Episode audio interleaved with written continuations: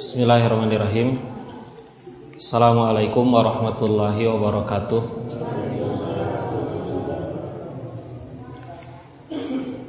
Alhamdulillahirabbil alamin.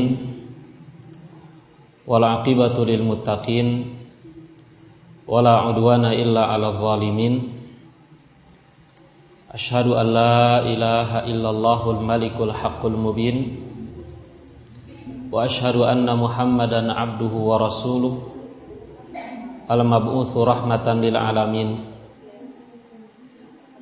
Allahumma salli wa sallim wa barik ala abdika wa rasulik nabiyina Muhammadin wa ala alihi wa ashabihi wa man tabi'ahum bi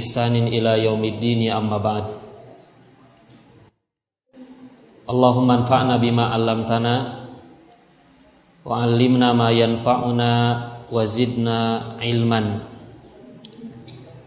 Allahumma arinal haqqa haqqa warzuqna ittiba'ah wa arinal batila batila warzuqna ijtinabah Para hadirin kaum muslimin wal muslimat Bapak Ibu yang semoga di dimuliakan oleh Allah Subhanahu wa taala. Alhamdulillah dengan izin Allah Subhanahu wa taala pada malam hari ini kita dapat berkumpul di majelis yang mulia ini di salah satu rumah dari rumah-rumah Allah Subhanahu wa taala dalam rangka beribadah kepada Allah Subhanahu wa taala melalui kegiatan tolabul ilmi. Menuntut ilmu atau tafaqquh fiddin mendalami agama Allah Subhanahu wa taala. Maka mudah-mudahan kita memohon kepada Allah Subhanahu wa taala pada malam hari ini melalui majlis yang mulia ini Allah Subhanahu wa taala memberkahi pertemuan kita meliputkan rahmatnya kepada kita semua dan tentu saja kita memohon kepada Allah Subhanahu wa taala melalui majelis ini mudah-mudahan Allah menambahkan kepada kita ilmu yang bermanfaat. Salat dan salam mudah-mudahan juga senantiasa tercurah kepada Nabi kita Muhammad sallallahu alaihi wasallam kepada keluarganya, para sahabatnya dan juga mudah-mudahan sampai kepada kita selaku umatnya. Hadirin Bapak Ibu yang dimuliakan oleh Allah Subhanahu wa taala. Dengan memohon pertolongan dari Allah Subhanahu wa taala, insya Allah pada kesempatan malam hari ini saya akan membahas tentang menuntut ilmu menuntut ilmu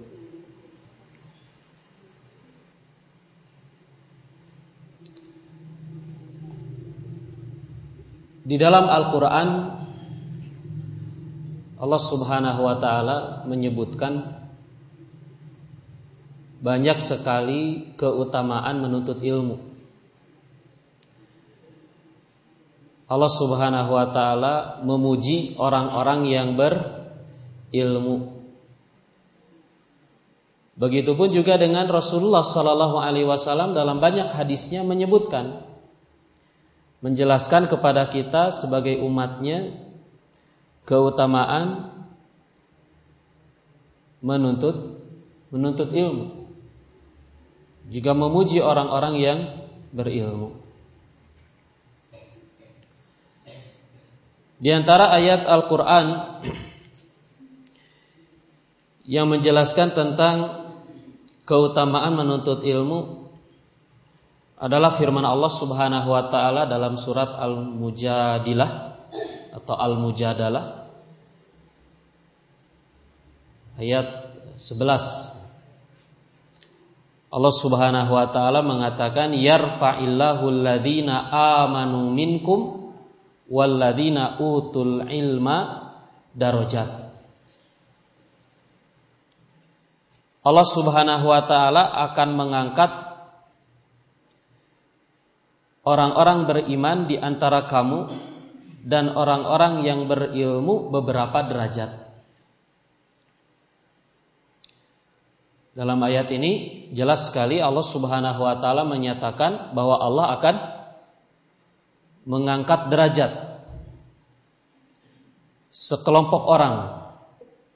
Siapa yang akan diangkat derajatnya oleh Allah? Orang beriman dan orang yang berilmu orang beriman dan orang yang berilmu. Tentu Bapak Ibu yang dimuliakan oleh Allah Subhanahu wa taala, ayat ini tidak menunjukkan bahwa orang beriman dengan berilmu itu berbeda. Akan tapi maksud dari ayat ini pertama Allah Subhanahu wa taala akan mengangkat manusia itu pertama dengan iman. Pertama dengan iman. Jadi di antara seluruh manusia yang Allah Subhanahu wa taala ciptakan di dunia ini Allah akan mengangkat sekelompok manusia di antara mereka yaitu siapa? Yaitu orang-orang yang ber, beriman. Maka derajat orang beriman itu lebih tinggi daripada derajat orang-orang yang tidak ber, beriman derajat orang beriman itu lebih tinggi dari orang-orang ka kafir. Maka Bapak Ibu yang dimuliakan oleh Allah Subhanahu wa taala, kalau kita beriman kepada Allah, maka kita tidak boleh merasa rendah di hadapan orang-orang kafir. Ya. Walaupun orang-orang kafir itu maju dalam urusan-urusan dunia, seperti yang kita saksikan saat ini, mereka maju dalam urusan teknologi, mereka maju dalam urusan-urusan dunia, maka tetap mereka itu lebih rendah derajatnya dari orang-orang yang beriman. Bahkan Allah Subhanahu wa taala dalam Al-Qur'an mengatakan orang-orang kafir itu seperti binatang, derajatnya itu rendah seperti binatang. Allah mengatakan ulaika kal an'am balhum adal mereka itu orang-orang kafir itu seperti binatang ternak bahkan lebih sesat lagi daripada binatang ternak, lebih rendah lagi, lebih hina lagi dari binatang. Walladzina kafaru yatamatta'una wa ya'kuluna kama ta'kulul an'amu wan naru mathwallahum kata Allah. Dan orang-orang kafir itu mereka bersenang-senang, mereka makan seperti hewan-hewan ternak makan. Nah, dalam beberapa ayat dalam Al-Quran Allah Subhanahu Wa Taala menyamakan derajat orang-orang kafir yang tidak beriman itu sama dengan apa? Hewan. Jadi saking rendahnya orang-orang kafir itu. Maka Bapak Ibu yang dimuliakan oleh Allah Subhanahu wa taala, jika ada keimanan di dalam diri kita, maka Allah Subhanahu wa taala dengan keimanan itu akan mengangkat derajat kita baik di dunia juga nanti di akhirat. Ini yang pertama. Kemudian yarfa'illahu alladhina amanu minkum walladzina utul ilma. Kemudian kelompok yang kedua yang Allah Subhanahu wa taala akan angkat derajatnya adalah siapa? Orang-orang yang berilmu. Nah, jadi tadi kan di kalangan manusia Allah akan angkat derajat sekelompok orang yaitu siapa? Orang-orang yang berilmu. Nah, sekarang di kalangan orang-orang yang berilmu Allah juga afan di kalangan orang-orang yang beriman Allah juga akan mengangkat derajat sekelompok orang. Siapa mereka? Siapa Bu? Orang-orang yang ber berilmu. Jadi orang beriman itu derajatnya tidak sama. Berlevel-level, bertingkat-tingkat derajatnya orang beriman itu. Nah, di antara yang menentukan tingkat atau derajat orang-orang yang beriman di sisi Allah Subhanahu wa taala adalah apa? Ilmunya. Semakin tinggi ilmu seseorang, maka dia semakin tinggi derajatnya di sisi Allah Subhanahu wa taala. Semakin tinggi keilmuan yang dimilikinya, maka semakin tinggi pula derajatnya di dunia dan di akhirat. Jadi kita ini semua beriman kepada Allah Subhanahu wa taala, tapi derajat masing-masing dari kita tidak sama. Tidak sama di sisi Allah Subhanahu wa taala. Ada yang rendah, ada yang tengah-tengah, ada yang tinggi. Dan Bapak Ibu yang dimuliakan oleh Allah Subhanahu wa taala tadi di antara yang menentukan tinggi dan rendahnya derajat kita sebagai orang yang beriman di sisi Allah Subhanahu wa taala adalah apa? Ilmu yang kita miliki. Yarfa'illahu alladhina amanu minkum walladhina utul ilma darajat. Ini ayat yang pertama. Kemudian Bapak Ibu yang dimuliakan oleh Allah Subhanahu wa taala, di antara ayat yang menjelaskan tentang keutamaan orang yang berilmu ada juga firman Allah Subhanahu wa taala dalam surat Az-Zumar ayat 9. Allah Subhanahu wa taala mengatakan Amman huwa qanitun ana al-laili.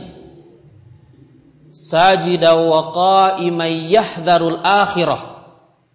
Wa yarju rahmata rabbih qul hal yastawi alladhina ya'lamun wal ladhina la ya'lamun.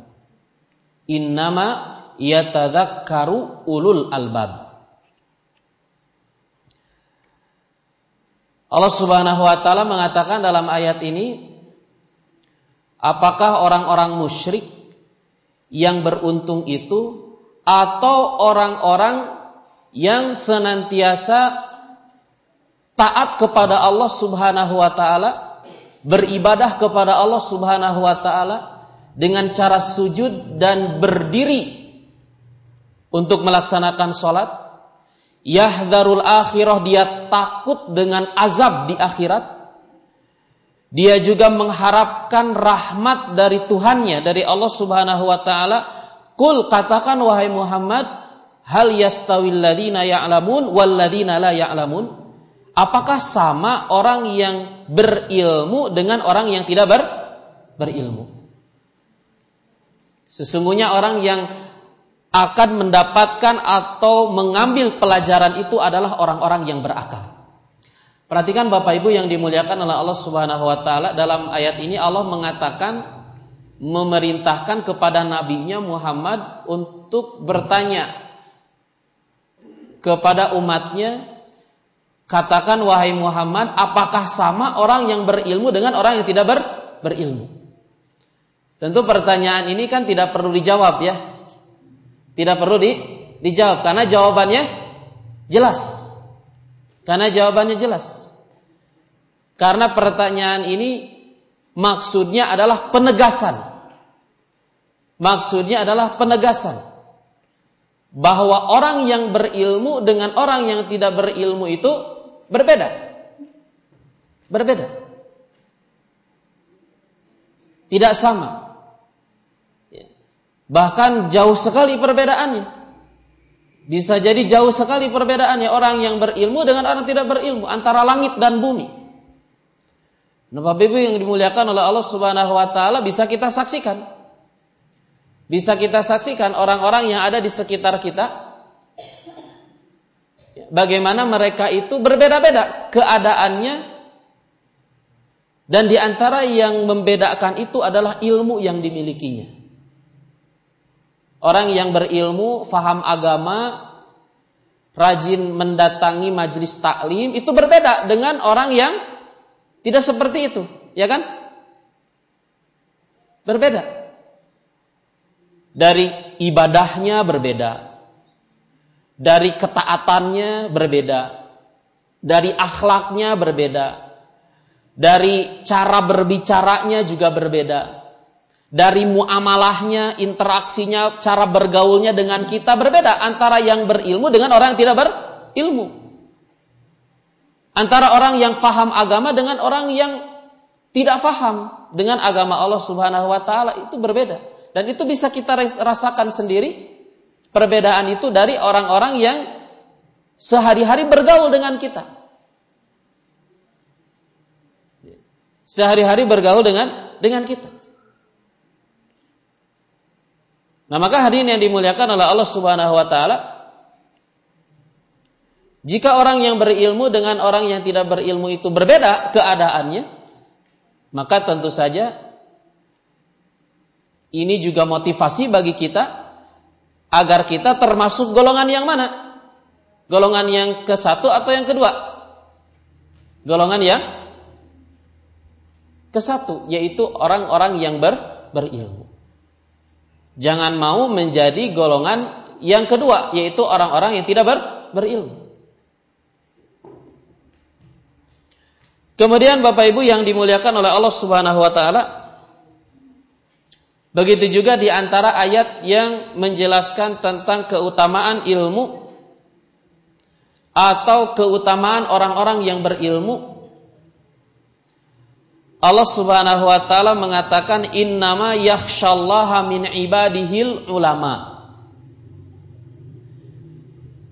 Kata Allah Subhanahu wa taala bahwasannya orang yang takut kepada Allah di antara hamba-hambanya adalah orang-orang yang berilmu.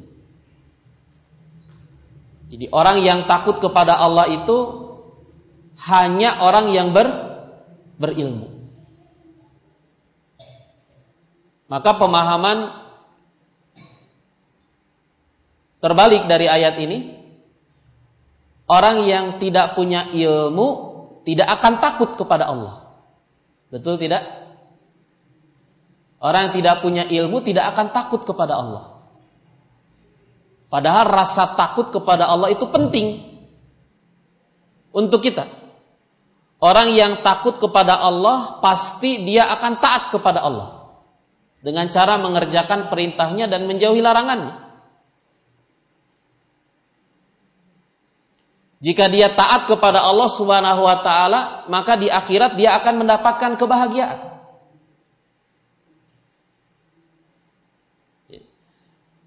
Nah, rasa takut kepada Allah Subhanahu wa taala yang akan mendorong kita untuk taat kepada Allah Subhanahu wa taala adalah ilmu. Rasa takut akan muncul di dalam diri kita kepada Allah kalau kita punya il punya ilmu. Jika kita tidak punya ilmu, sekali lagi tadi, maka kita tidak akan merasa takut kepada Allah Subhanahu wa taala. Kalau sudah tidak punya rasa takut kepada Allah, maka tidak akan taat kepada Allah Subhanahu wa taala. Dan ini juga banyak ya kita saksikan bahkan di antara kaum muslimin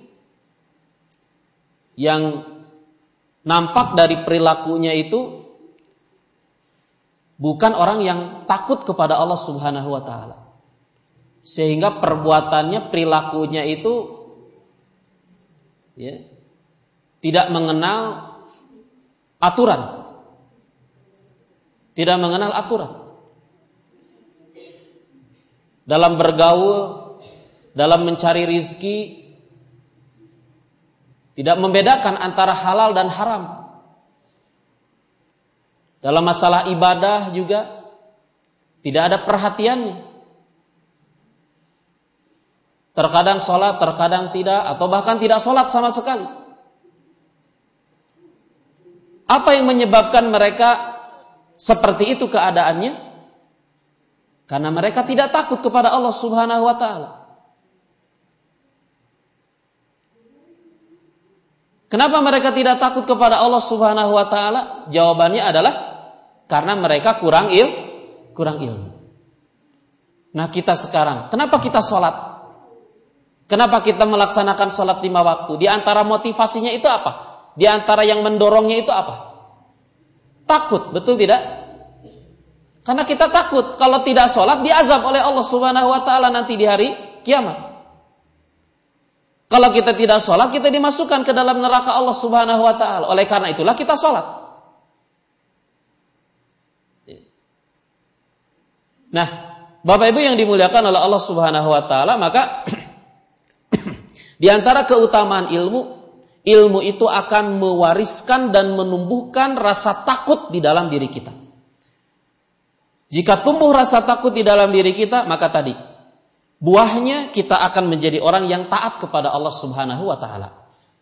Maka kalau kita ingin menjadi orang soleh, soleha, menjadi orang yang taat kepada Allah, perbanyak ilmu. Perbanyak il, ilmu. Innama yakhshallaha min ibadihil ulama. Orang-orang yang takut kepada Allah di antara hamba-hambanya adalah orang-orang yang berilmu. Semakin tinggi ilmu seseorang, maka dia akan semakin takut kepada Allah. Semakin takut seseorang, maka dia akan semakin taat kepada Allah Subhanahu wa taala. Kemudian Bapak Ibu yang dimuliakan oleh Allah Subhanahu wa taala, itu beberapa ayat yang berkaitan dengan keutamaan ilmu. Di antara ayat yang banyak, masih ada ayat-ayat yang lain.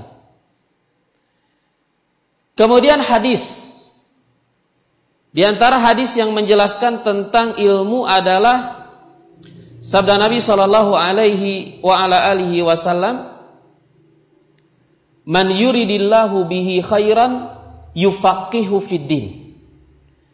Kata Allah, barang siapa yang dikehendaki kebaikan oleh Allah, maka Allah akan fahamkan dia di dalam agama. Jadi ciri seseorang itu diberikan kebaikan oleh Allah, hidupnya di dunia ini adalah dia faham dengan agama Allah Subhanahu wa taala. Sebaliknya, ciri Allah tidak menghendaki kebaikan untuk seseorang di dunia ini, Allah jadikan dia tidak faham dengan agama Allah Subhanahu wa taala. Maka Bapak Ibu yang dimuliakan oleh Allah Subhanahu wa taala, jika kita menginginkan kebaikan bagi kehidupan kita di dunia ini dan juga tentu saja nanti di akhirat, maka bagaimana caranya, Bu? Pak? Caranya adalah kita memahami agama Allah Subhanahu wa taala. Jadi kunci untuk meraih hidup yang barokah Kan kita ya senantiasa berdoa kepada Allah meminta kehidupan yang barokah, betul tidak? Barokah itu apa? Barokah itu kathratul khair wadawamuhu wasabatuhu. Begitu kata para ulama. Barokah itu artinya banyaknya kebaikan, tetapnya kebaikan, dan bertambahnya kebaikan. Itu barokah. Jadi hidup yang barokah adalah hidup yang mendatangkan kebaikan. Harta yang barokah adalah harta yang mendatangkan kebaikan. Keluarga yang barokah adalah keluarga yang mendatangkan kebaikan, manfaat, maslahat bagi kita. Anak-anak yang barokah adalah anak-anak yang mendatangkan kebaikan dan manfaat bagi kita. Itu barokah. Waktu yang barokah itu adalah waktu yang mendatangkan kebaikan bagi kita. Umur yang barokah adalah umur yang mendatangkan kebaikan bagi kita. Begitu seterusnya, itu barokah. Nah kan kita senantiasa meminta kepada Allah agar kita diberikan kehidupan yang barokah. Nah bagaimana caranya? Di antara jalannya adalah tadi kita memahami agama Allah Subhanahu wa taala. Kalau kita ingin hidup barokah, ingin kehidupan yang barokah, maka kita harus memahami agama Allah Subhanahu wa taala. Bagaimana supaya kita faham agama Allah? Ya kita mencari ilmu, menuntut ilmu seperti apa yang kita lakukan malam ini. Dalam rangka menuntut il, ilmu dalam rangka memahami agama Allah Subhanahu wa taala. Ya. Maka mudah-mudahan yang hadir di sini semuanya Allah berikan keberkahan untuk hidupnya. Amin. Ya. Nah, Bapak Ibu yang dimuliakan oleh Allah Subhanahu wa taala, kemudian di antara hadis yang lain yang menjelaskan tentang keutamaan ilmu Rasulullah Shallallahu Alaihi Wasallam bersabda, "Man salaka tariqan yaltamisu fihi ilman, sahalallahu lahu bihi tariqan ilal jannah." Kata Nabi Shallallahu Alaihi Wasallam, barang siapa yang menempuh suatu jalan, ya, menempuh suatu jalan dalam rangka mencari ilmu, dalam rangka untuk mendapatkan ilmu, maka kata Rasul Allah akan mudahkan untuknya jalan menuju sur surga. Jadi orang yang menuntut ilmu maka Allah akan mudahkan untuknya jalan menuju surga Allah Subhanahu wa taala. Bapak Ibu yang dimuliakan oleh Allah Subhanahu wa taala, tentu kita sebagai orang beriman Tujuan akhir dari kehidupan kita itu apa? Surga, betul tidak? Betul tidak? Ya. Tujuan akhir dari kehidupan kita, perjalanan kita itu adalah surga. Adalah surga. Kalau kita belum masuk surga, itu belum sukses. Ya. Sebesar apa pun harta yang kita miliki di dunia ini, setinggi apa pun pangkat, jabatan yang kita miliki di dunia ini, kalau kita belum masuk surga itu belum sukses. Karena sukses itu kata Allah dijauhkan dari neraka dan dimasukkan ke dalam surga itu sukses. Faman zuhziha 'anil nar wa udkhilal jannah faqad faz kata Allah. Barang siapa yang dijauhkan dari api neraka dan dimasukkan ke dalam surga, maka dia telah meraih kesuksesan. Maka dia telah meraih kesuksesan. Maka Bapak Ibu yang dimuliakan oleh Allah Subhanahu wa taala, ya, sukses di dunia itu bukan ukuran. Ya. Percuma sukses di dunia kalau akhirnya masuk neraka, tidak masuk surga. Percuma. Jadi sukses itu nanti di akhirat. Kalau kita sudah menginjakkan kaki kita di surga, itulah kesuksesan kita dari perjalanan ini. Nah, Bapak Ibu yang dimuliakan oleh Allah Subhanahu wa taala dalam hadis yang tadi, apa kata Rasul sallallahu alaihi wasallam? Bagaimana agar Allah memudahkan jalan kita menuju surga? Caranya bagaimana? Maka kita harus menempuh jalan dalam rangka mencari ilmu. Jalan menuju surga itu adalah ilmu. Jalan menuju surga itu adalah ilmu. Kalau kita tidak punya ilmu, maka kita tidak akan sampai ke surga. Kalau kita tidak punya ilmu, ya, kita berjalan menuju surga ternyata tersesat. Ternyata ter tersesat. Ke mana? Ke neraka. Karena nanti di akhirat itu tidak ada pilihan. Kalau tidak ke surga ya ke neraka. Maka Bapak Ibu yang dimuliakan oleh Allah Subhanahu wa taala, kalau kita ingin surga Allah, tempuhlah jalan menuju surga itu dengan dengan ilmu, dengan ilmu. Ya. Jangan ingin mendapatkan surga tapi malas mencari ilmu. Jangankan urusan akhirat, urusan dunia saja kan segala sesuatunya itu harus pakai il, pakai ilmu. Ibu-ibu masak kalau nggak nggak nggak pakai ilmu, gimana kira-kira bu? Gagal masaknya. Bapak-bapak kerja kalau nggak punya ilmu juga sama. Tidak akan meraih kesuksesan. Apalagi kesuksesan di akhirat. Harus dijalani dengan ilmu. Man salaka tariqan yaltamisu fihi ilman sahalallahu lahu bihi tariqan ilal jannah. Hadirin kaum muslimin wal muslimat, Bapak Ibu yang dimuliakan oleh Allah Subhanahu wa taala. Nah, itu di antara hadis ya.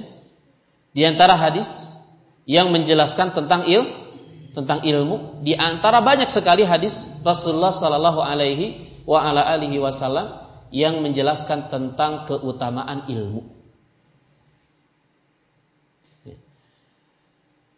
Bapak Ibu yang dimuliakan oleh Allah Subhanahu wa taala, jika ilmu itu begitu penting, maka pertanyaan selanjutnya adalah apa yang dimaksud dengan ilmu? Jadi apa ilmu yang akan mengangkat derajat kita? Ilmu apa yang akan mendatangkan keberkahan untuk hidup kita? Ilmu seperti apa yang akan memudahkan kita menuju surga Allah Subhanahu wa taala? Ilmu apa? Ilmu apa? Ilmu gaib? Ilmu apa? Ilmu sihir misalnya? Atau ilmu apa? Nah, maka ini juga penting untuk kita ketahui. Jadi ilmu apa sebetulnya yang dijanjikan oleh Allah Subhanahu wa taala dan rasulnya keutamaan-keutamaan yang sangat banyak. Jawabannya adalah ilmu din, ilmu agama. Ilmu agama. Jadi ilmu agamalah yang dimaksud oleh Allah dan Rasulnya yang akan mendatangkan kepada kita keutamaan-keutamaan dan manfaat-manfaat yang sangat banyak bagi kita di dunia dan di akhirat. Ilmu din. Sebagaimana dalam hadis yang tadi. Barang siapa yang dikehendaki kebaikan oleh Allah, maka Allah akan fahamkan di dalam di dalam agama. Jadi ilmu agama lah yang harus kita cari agar kita mendapatkan keutamaan-keutamaan tadi. Ya. Jadi bukan ilmu-ilmu yang lain. Bukan ilmu-ilmu yang yang lain. Nah, Bapak Ibu yang dimuliakan oleh Allah Subhanahu wa taala, Ilmu agama itu ada dua. Ada ilmu agama yang hukum mempelajarinya fardu ain. Ada ilmu agama yang hukum mempelajarinya fardu kifayah. Ya. Bapak Ibu tahu apa bedanya fardu ain sama fardu kifayah? Tahu ya Bu ya? Kalau fardu ain itu apa? Yang wajib dilakukan oleh setiap muslim. Masing-masing wajib. Kalau fardu kifayah apa? Sesuatu yang wajib dilakukan oleh sebagian kaum muslimin saja. Kalau sudah ada yang melakukannya, maka gugur kewajiban atas kaum muslimin yang lain. Itu fardu kifayah. Tapi harus ada di antara kaum muslimin itu yang melakukannya. Contoh fardu ain itu apa? Sholat lima waktu itu fardu ain. Karena setiap orang wajib sholat. Dan tidak boleh diwakilkan. Ya, tidak boleh di, diwakilkan. Kepada orang lain.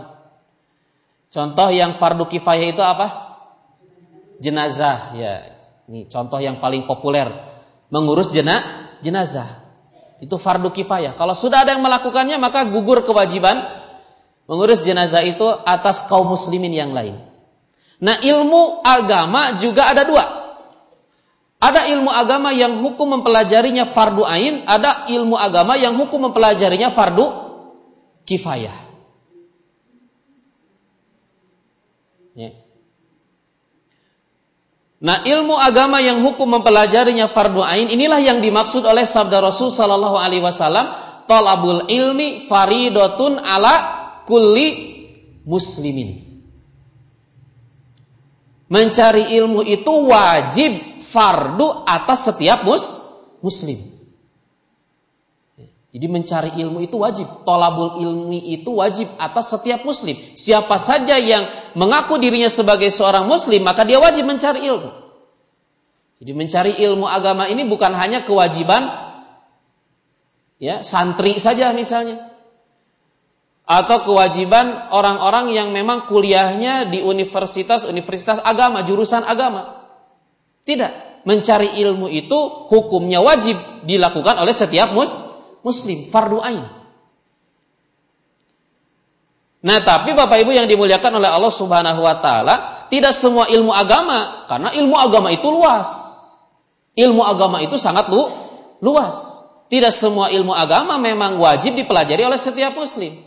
Jadi ada ilmu agama yang termasuk kategori fardu ain. Hukum mempelajarinya itu fardu ain. Ilmu seperti apa? Ilmu-ilmu yang dengannya kita bisa melaksanakan agama kita, kewajiban-kewajiban kita di dalam agama ini. Jadi ilmu yang hukum mempelajarinya fardu ain itu adalah ilmu-ilmu yang dengan ilmu itu kita bisa melaksanakan kewajiban kita di dalam agama ini. Contoh misalnya salat. Salat itu wajib tidak? Setiap muslim wajib. Nah, kita punya kewajiban untuk melaksanakan sholat. Maka ilmu yang berkaitan dengan sholat lima waktu itu menjadi wajib pula dipelajari. Menjadi wajib pula di, dipelajari. Termasuk ilmu yang wajib dipelajari oleh setiap mus, muslim.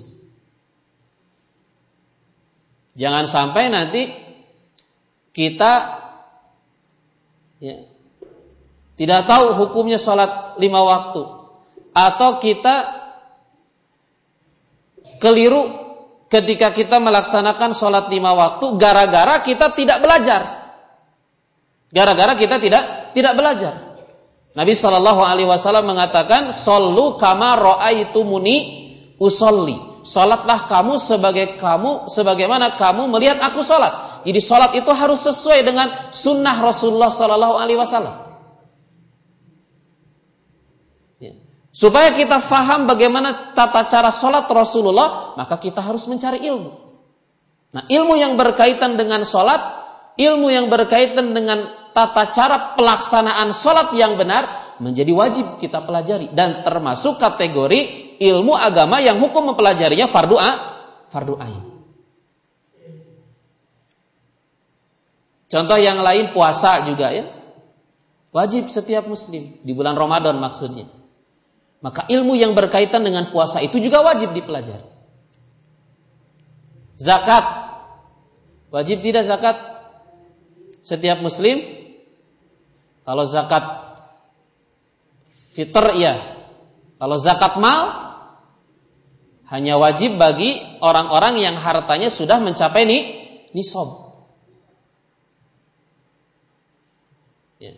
Nah, maka bagi orang yang hartanya sudah mencapai nisab dia wajib mempelajari ilmu tentang zakat. Ilmu tentang bagaimana cara mengeluarkan zakat.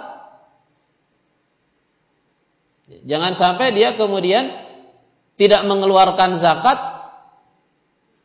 atau salah dalam tata cara mengeluarkan zakat gara-gara tidak punya il, ilmu yang berkaitan dengan zakat. Dan hadirin yang dimuliakan oleh Allah Subhanahu wa taala ternyata masih banyak saat ini kaum muslimin yang tidak tahu bagaimana cara mengeluarkan zakat yang benar, zakat harta terutama ya. Karena kalau zakat fitr itu insya Allah semuanya faham lah. Satu tahun sekali di bulan Ramadan dilakukan secara serentak. Tapi kalau zakat mal itu berbeda. Ya. Nah jangan sampai kita apa tadi kita punya harta, tapi ternyata kita salah, kita tidak tahu bagaimana cara mengeluarkan zakat gara-gara tidak punya il, ilmu. Maka ilmu yang berkaitan dengan zakat ini wajib. Begitu juga dengan haji. Bagi orang yang akan berangkat haji, dia wajib mempelajari ilmu tentang hak, tentang haji. Begitu seterusnya. Jika kita punya kewajiban di dalam agama, maka ilmu yang berkaitan dengan pelaksanaan kewajiban itu begitu pula wajib kita pelajari. Nah, Bapak Ibu yang dimuliakan oleh Allah Subhanahu wa taala, Al-Imam Ibnu Qayyim mengatakan bahwa di dalam agama ini ada tadi ya hal-hal yang harus kita ketahui. Al-Imam Ibnul Qayyim mengatakan bahwa hal-hal yang harus kita pelajari, kita ketahui di dalam agama ini terbagi menjadi tiga kelompok. Terbagi menjadi tiga kelompok. Jadi hal-hal yang harus kita fahami di dalam agama ini agar kita termasuk orang-orang yang benar-benar melaksanakan agama ini itu diklasifikasi menjadi tiga Tiga kelompok. Yang pertama kata Imam Ibnu Qayyim adalah al-i'tiqadat, hal-hal yang berkaitan dengan keyakinan. Jadi Bapak Ibu yang dimuliakan oleh Allah Subhanahu wa taala, kita wajib mempelajari hal-hal yang berkaitan dengan keyakinan di dalam agama ini. Agar kita memiliki keyakinan yang benar. Karena Bapak Ibu yang dimuliakan oleh Allah, agama kita ini tidak hanya berkaitan dengan amal perbuatan, tapi juga berkaitan dengan keyakinan. Kita diharuskan memiliki keyakinan-keyakinan yang benar di dalam agama ini dan dilarang memiliki keyakinan-keyakinan atau kepercayaan-kepercayaan yang keliru. Jadi Bapak Ibu yang dimuliakan oleh Allah Subhanahu wa taala, jangan sampai kita memiliki keyakinan-keyakinan, kepercayaan-kepercayaan yang salah gara-gara kita tidak mencari il ilmu. Karena nanti di akhirat masalah keyakinan ini juga di antara perkara yang akan kita pertanggungjawabkan di hadapan Allah Subhanahu wa taala. Kalau kita sholat rajin sholat, puasa juga tiap tahun puasa, zakat juga membayar zakat, haji juga sudah, ya. Akan tapi kemudian kita membawa keyakinan yang keliru ketika kita menghadap Allah Subhanahu Wa Taala, maka kita tidak akan selamat. Walaupun kita rajin sholat, bu, pak. Walaupun kita rajin sholat, maka hati-hati berkaitan dengan keyakinan ini. Nah ini yang dalam bahasa syariat disebut dengan akidah. Keyakinan itu berkaitan atau yang disebut dengan apa? Akidah. Tadi dikatakan kalau kita datang kepada Allah, menghadap Allah dan memiliki keyakinan-keyakinan yang salah, kita tidak akan selamat. Apa dalilnya? Dalilnya firman Allah Subhanahu wa taala, "Yauma la yanfa'u malun wala banun illa man atallaha biqalbin salim. Hari kiamat itu adalah hari ketika tidak bermanfaat harta dan anak-anak kecuali orang-orang yang datang kepada Allah dengan hati yang selamat. Hati yang selamat itu yang bagaimana? Hati yang selamat itu adalah hati yang memiliki keyakinan-keyakinan yang benar. Hati yang memiliki akidah yang lurus. Hati yang bersih dari keyakinan-keyakinan yang menyimpang. Hati yang bersih dari akidah-akidah yang menyimpang.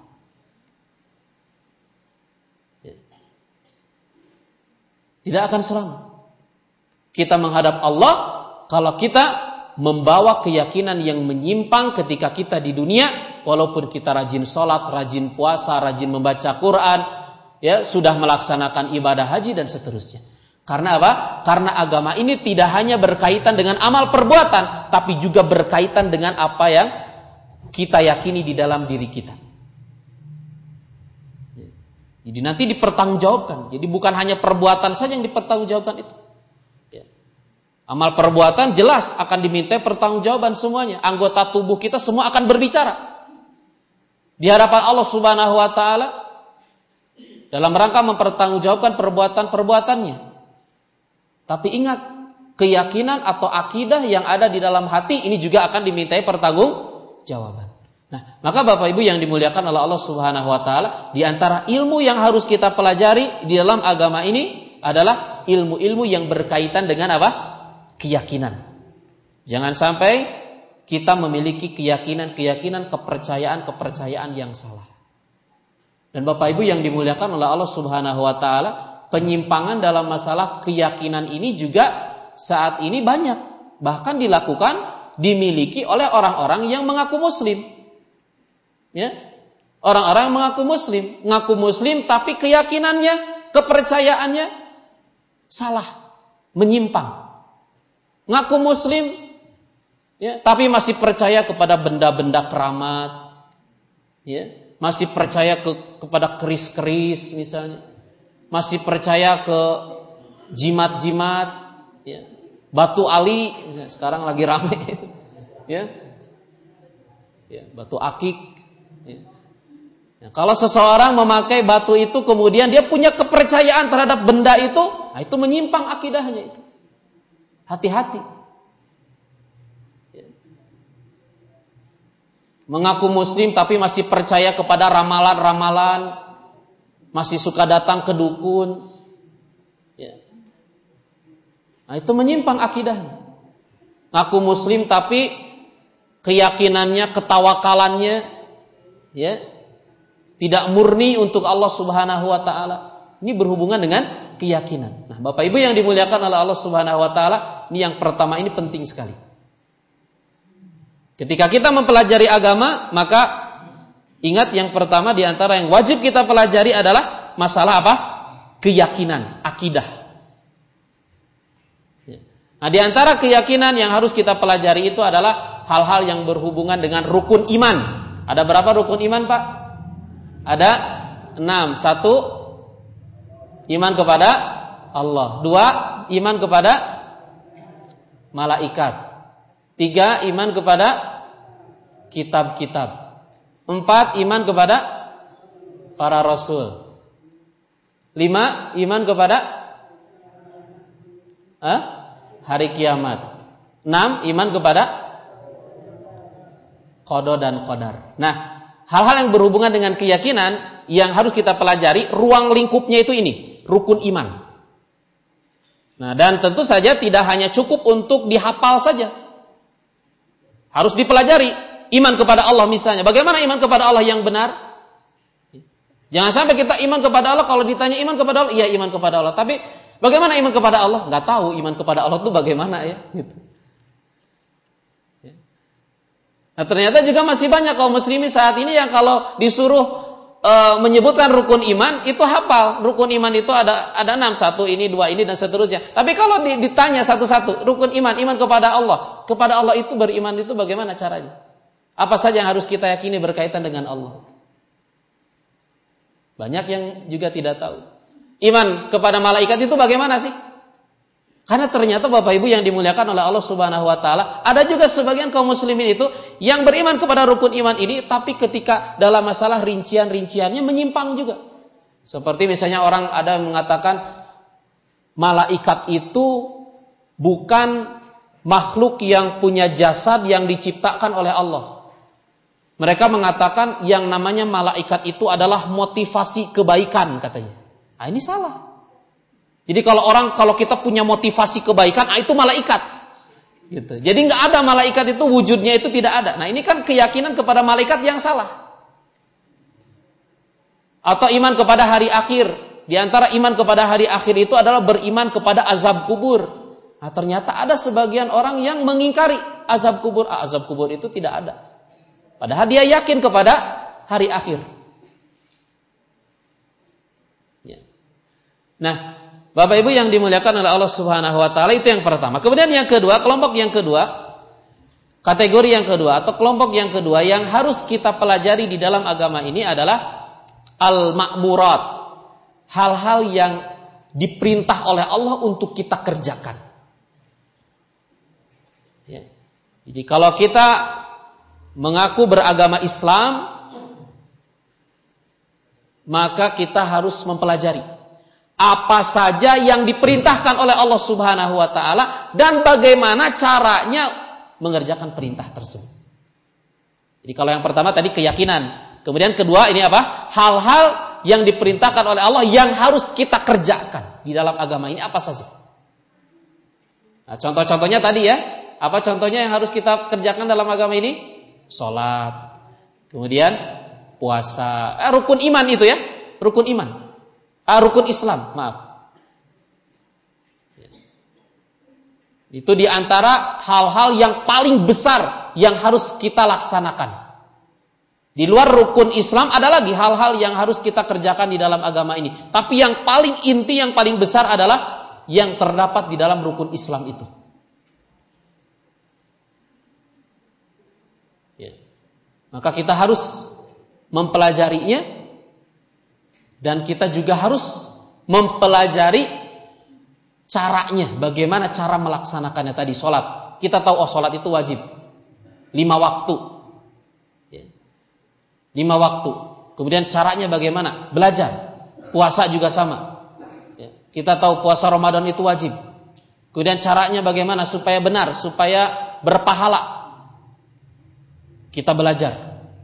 Zakat juga sama, haji juga sama. Begitu seterusnya.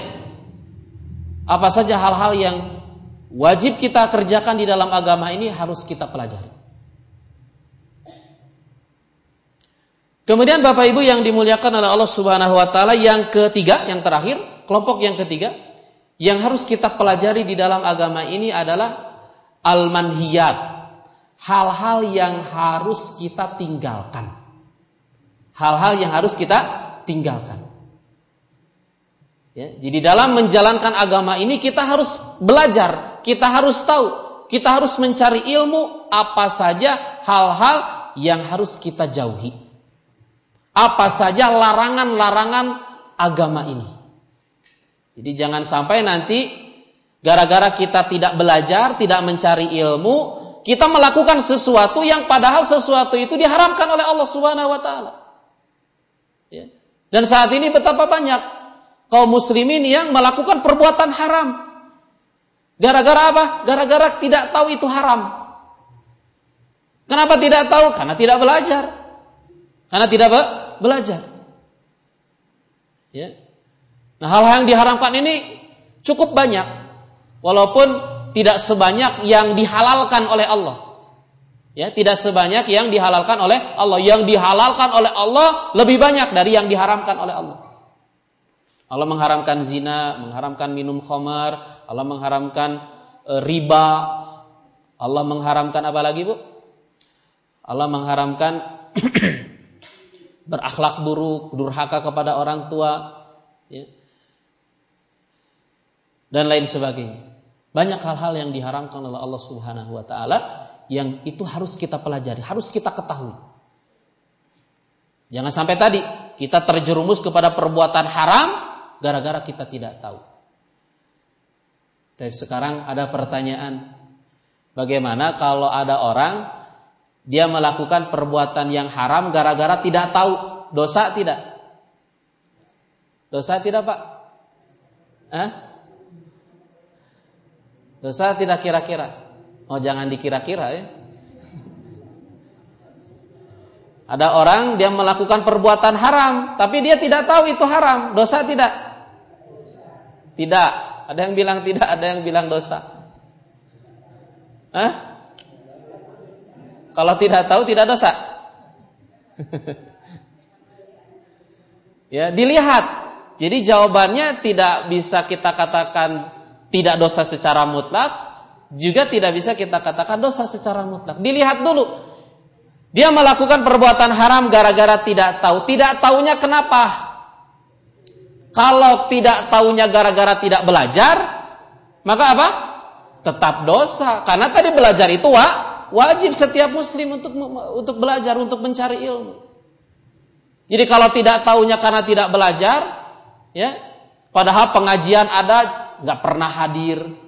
Ustadz kiai ada, tidak pernah bertanya, ya kan? Buku-buku juga banyak, tidak pernah membaca, berpaling saja dari ilmu, tidak mau belajar. Kalau gara-gara ini tidak mau belajar, dia terjerumus kepada perbuatan haram, dia tetap dosa, bahkan dosanya jadi double dosa tidak belajar, dosa juga terjerumus kepada perbuatan yang haram.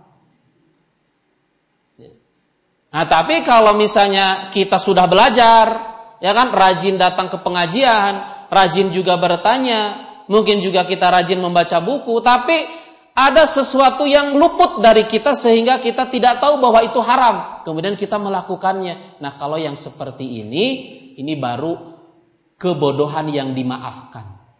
Ini baru dimaafkan. Ini baru tidak dosa kalau yang seperti ini. Ya. Jadi bodoh itu tidak semuanya apa dimaafkan. Dalam bahasa Sunda juga bodoh itu kan ada dua ya. Ada bodoh apa? bodoh aleho sama bodoh katotoloyo. Gitu kan? Bodoh aleho itu kan bodoh tapi mau ba mau belajar. Nah itu tidak apa-apa kalau itu. Nah yang ter tercela itu apa? Bodoh katoto katotoloyo. Ya, sudah bodoh tapi tidak mau belajar. Nah itu. Nah yang seperti itu mah ya tidak tidak dimaafkan jadi Bapak Ibu yang dimuliakan oleh Allah Subhanahu wa taala. Nah, yang ketiga ini juga penting. Kita harus tahu ya, di antara hal yang harus kita pelajari dalam agama ini adalah apa saja yang diharamkan oleh Allah. Apa saja yang diharamkan oleh Allah kita pelajari ya. Lalu kemudian kita tinggalkan. Kita tinggalkan. Nah, Bapak Ibu yang dimuliakan oleh Allah Subhanahu wa taala, berkaitan dengan ilmu ini dari mana kita mensumberkan ilmu ini? Di sumber ilmu itu apa? Sumber ilmu itu yang paling pokok adalah Al-Quran dan Sunnah Rasulullah Sallallahu Alaihi Wasallam. Jadi tidak boleh kita mengatakan ini bagian dari agama, tapi tidak ada sumbernya dari Al-Quran, tidak ada sumbernya dari sunnah Rasulullah Sallallahu Alaihi Wasallam. Segala sesuatu yang kita sandarkan kepada agama, maka sumbernya adalah Al-Quran dan Sunnah Rasulullah Sallallahu Alaihi Wasallam. Oleh karena itu para ulama juga mengatakan al ilmu qala Allah wa qala Rasuluh wa qala sahabah. Ilmu itu adalah apa yang difirmankan oleh Allah, apa yang disabdakan oleh Rasul dan apa yang dikatakan oleh para sahabat. Dikatakan oleh para sahabat Rasulullah Shallallahu Alaihi wa ala Wasallam, maksudnya di sini adalah berupa penafsiran-penafsiran terhadap Al-Quran dan Sunnah itu. Ini ilmu. Ya, ini adalah sumber ilmu. Ya, maka tidak boleh kita menyandarkan sesuatu kepada agama, tapi dasarnya itu pendapat kita, akal-akalan kita tidak boleh. Kita menyatakan ini ibadah. Tapi tidak ada dalilnya dari Al-Quran, tidak ada juga dalil dari hadis Rasulullah Sallallahu Alaihi wa ala alihi Wasallam tidak boleh. Jadi dalam mempelajari ilmu ini juga kita harus tahu ya sumber ilmu itu apa? Sumber ilmu itu Al-Quran dan Sunnah Rasulullah Sallallahu Alaihi Wasallam, termasuk juga ya adalah penjelasan-penjelasan para sahabat Rasulullah Shallallahu Alaihi Wasallam. Maka Bapak Ibu yang dimuliakan oleh Allah Subhanahu Wa Taala, jika kita mengetahui bahwa sumber ilmu itu Al-Quran dan Sunnah, maka ketika kita mempelajari ilmu, kita harus mempelajari ilmu itu dari orang-orang yang faham terhadap Al-Quran dan Sunnah. Jangan mencari ilmu kepada orang-orang yang tidak faham dengan Al-Quran dan Sunnah Rasulullah Sallallahu Alaihi Wasallam. Karena Al-Quran dan Sunnah itu juga harus difahami dengan perangkat-perangkat, harus difahami dengan kaidah-kaidah yang tidak semua orang mengetahuinya. Tidak semua orang mengetahuinya. Siapa yang mengenal dan memahami Al-Quran dan Sunnah dengan baik itu? Mereka adalah para ulama. Mereka adalah para ulama. Oleh karena itu Allah Subhanahu wa taala mengatakan fasalu ahla dzikri in kuntum la ta'lamun. Bertanyalah kamu kepada ahli zikir, ahli ilmu maksudnya. Jadi orang yang ahli dalam ilmu agama. Jadi jangan kalau bertanya itu ke sembarang orang. Jangan bertanya tentang masalah agama kepada orang yang apa? Dia tidak dikenal sebagai ahli ilmu gitu. Karena apa? Karena akibatnya apa? Fatal, akibatnya kita sesat. Seperti kita kalau sakit kan datang ke siapa bu? Ke dokter. Ya, ke dokter. Tidak mungkin kita sakit kemudian kita bertanya tentang penyakit kita ke tukang becak misalnya. Gak mungkin. Ya. Begitupun juga dengan masalah agama. Kalau kita ingin belajar tentang agama, bertanya tentang urusan agama, maka bertanyalah kepada para ulama. Karena kalau kita salah dalam bertanya, salah dalam berguru, maka fatal akibatnya kita akan tersesat di dalam memahami agama ini. Dan saat ini kan juga banyak, ya, aliran-aliran sesat, aliran-aliran sesat. Kenapa mereka sesat? Karena mereka salah di dalam menuntut ilmu kepada siapa mereka belajar. Ya, dalam hadis Rasulullah Shallallahu Alaihi Wasallam pernah mengatakan, Inna Allah la yakbidu al ilma ya yantazi'uhu minal ibad. Allah itu tidak akan mengangkat ilmu dengan cara langsung mencabut ilmu itu dari hamba-hambanya. Walakin yakbidul ilma biqabdil ulama. Akan tapi Allah itu akan mengangkat ilmu pada akhir zaman maksudnya akan mengangkat ilmu itu dengan mematikan para ulama. Mengambil para ulama. Kemudian kata Rasul sallallahu alaihi wasallam hatta idza lam yabqa alimun sampai ketika tidak ada orang yang berilmu ya ittakhadhan asa juhala. Maka kemudian orang-orang menjadikan pemimpin-pemimpin dalam agama itu orang-orang yang bodoh. Karena ulamanya tidak ada, maka manusia menjadikan tokoh-tokoh pemimpin-pemimpin yang diikuti yang diikutinya itu dari kalangan orang-orang bodoh. Fasu'ilu maka orang-orang bodoh itu ditanya. Fa'af tau bigairi ilmin. Kemudian orang-orang bodoh itu menjawab tanpa ilmu, fadollu wa adollu. Maka mereka sesat dan mereka juga menyesatkan orang lain. Nah, Bapak Ibu yang dimuliakan oleh Allah Subhanahu wa taala, hadis ini ya di antara faidahnya pelajaran yang bisa kita petik dari hadis ini juga bahwa kalau kita ingin bertanya masalah agama, maka perhatikan dulu siapa orang yang akan kita tanya itu, ahli atau tidak. Dia faham atau tidak? Dia menguasai perangkat-perangkat ilmu untuk memahami Al-Quran dan Sunnah atau tidak? Ya. Karena Al-Quran dan Sunnah itu juga nanti saling menafsirkan. Ayat Al-Quran itu dengan ayat Quran yang lain itu saling menafsirkan. Tidak bisa difahami sepotong-sepotong. Di antara hal yang menyebabkan orang itu tersesat pemahamannya adalah mengambil sepotong-sepotong dari dalil nyomot ayat gini, oh gini maksudnya begini, begini, begini, padahal ya, tanpa ilmu. Maka berhati-hati pula di dalam mem, apa, berbicara tentang Al-Quran. Jangan kita ambil ayat, kemudian kita pahami sendiri dengan pendapat kita. Sementara kita tidak tahu ayat-ayat yang lain yang mungkin menafsirkan ayat itu. Kita tidak juga tahu tentang hadis-hadis Rasul yang menjelaskan tentang ayat itu sehingga kita salah di dalam memahami ayat. Bahkan sampai Abu Bakar radhiyallahu anhu sahabat Rasul yang mulia sekalipun pernah mengatakan ayyu sama'in tudhilluni wa ayyu ardin tuqilluni idza qultu fil Qur'an ma la a'lamu. Langit mana yang akan menaungiku dan bumi mana yang akan aku jadikan pijakanku jika aku berbicara tentang Al-Qur'an tanpa ilmu berbicara tentang Al-Quran tanpa il, tanpa ilmu. Bahaya, sesat. Dan di antara aliran-aliran sesat yang bermunculan, itu di antara akibatnya adalah, atau di antara sebabnya adalah, karena dia memahami Al-Quran tanpa il, tanpa ilmu. Maka bertanyalah kepada para ulama orang-orang yang memiliki memiliki ilmu. Bapak yang dimuliakan oleh Allah Subhanahu wa taala, itulah beberapa hal yang berkaitan dengan ilmu yang bisa kita bahas pada kesempatan malam hari ini. Mudah-mudahan bermanfaat bagi kita semua.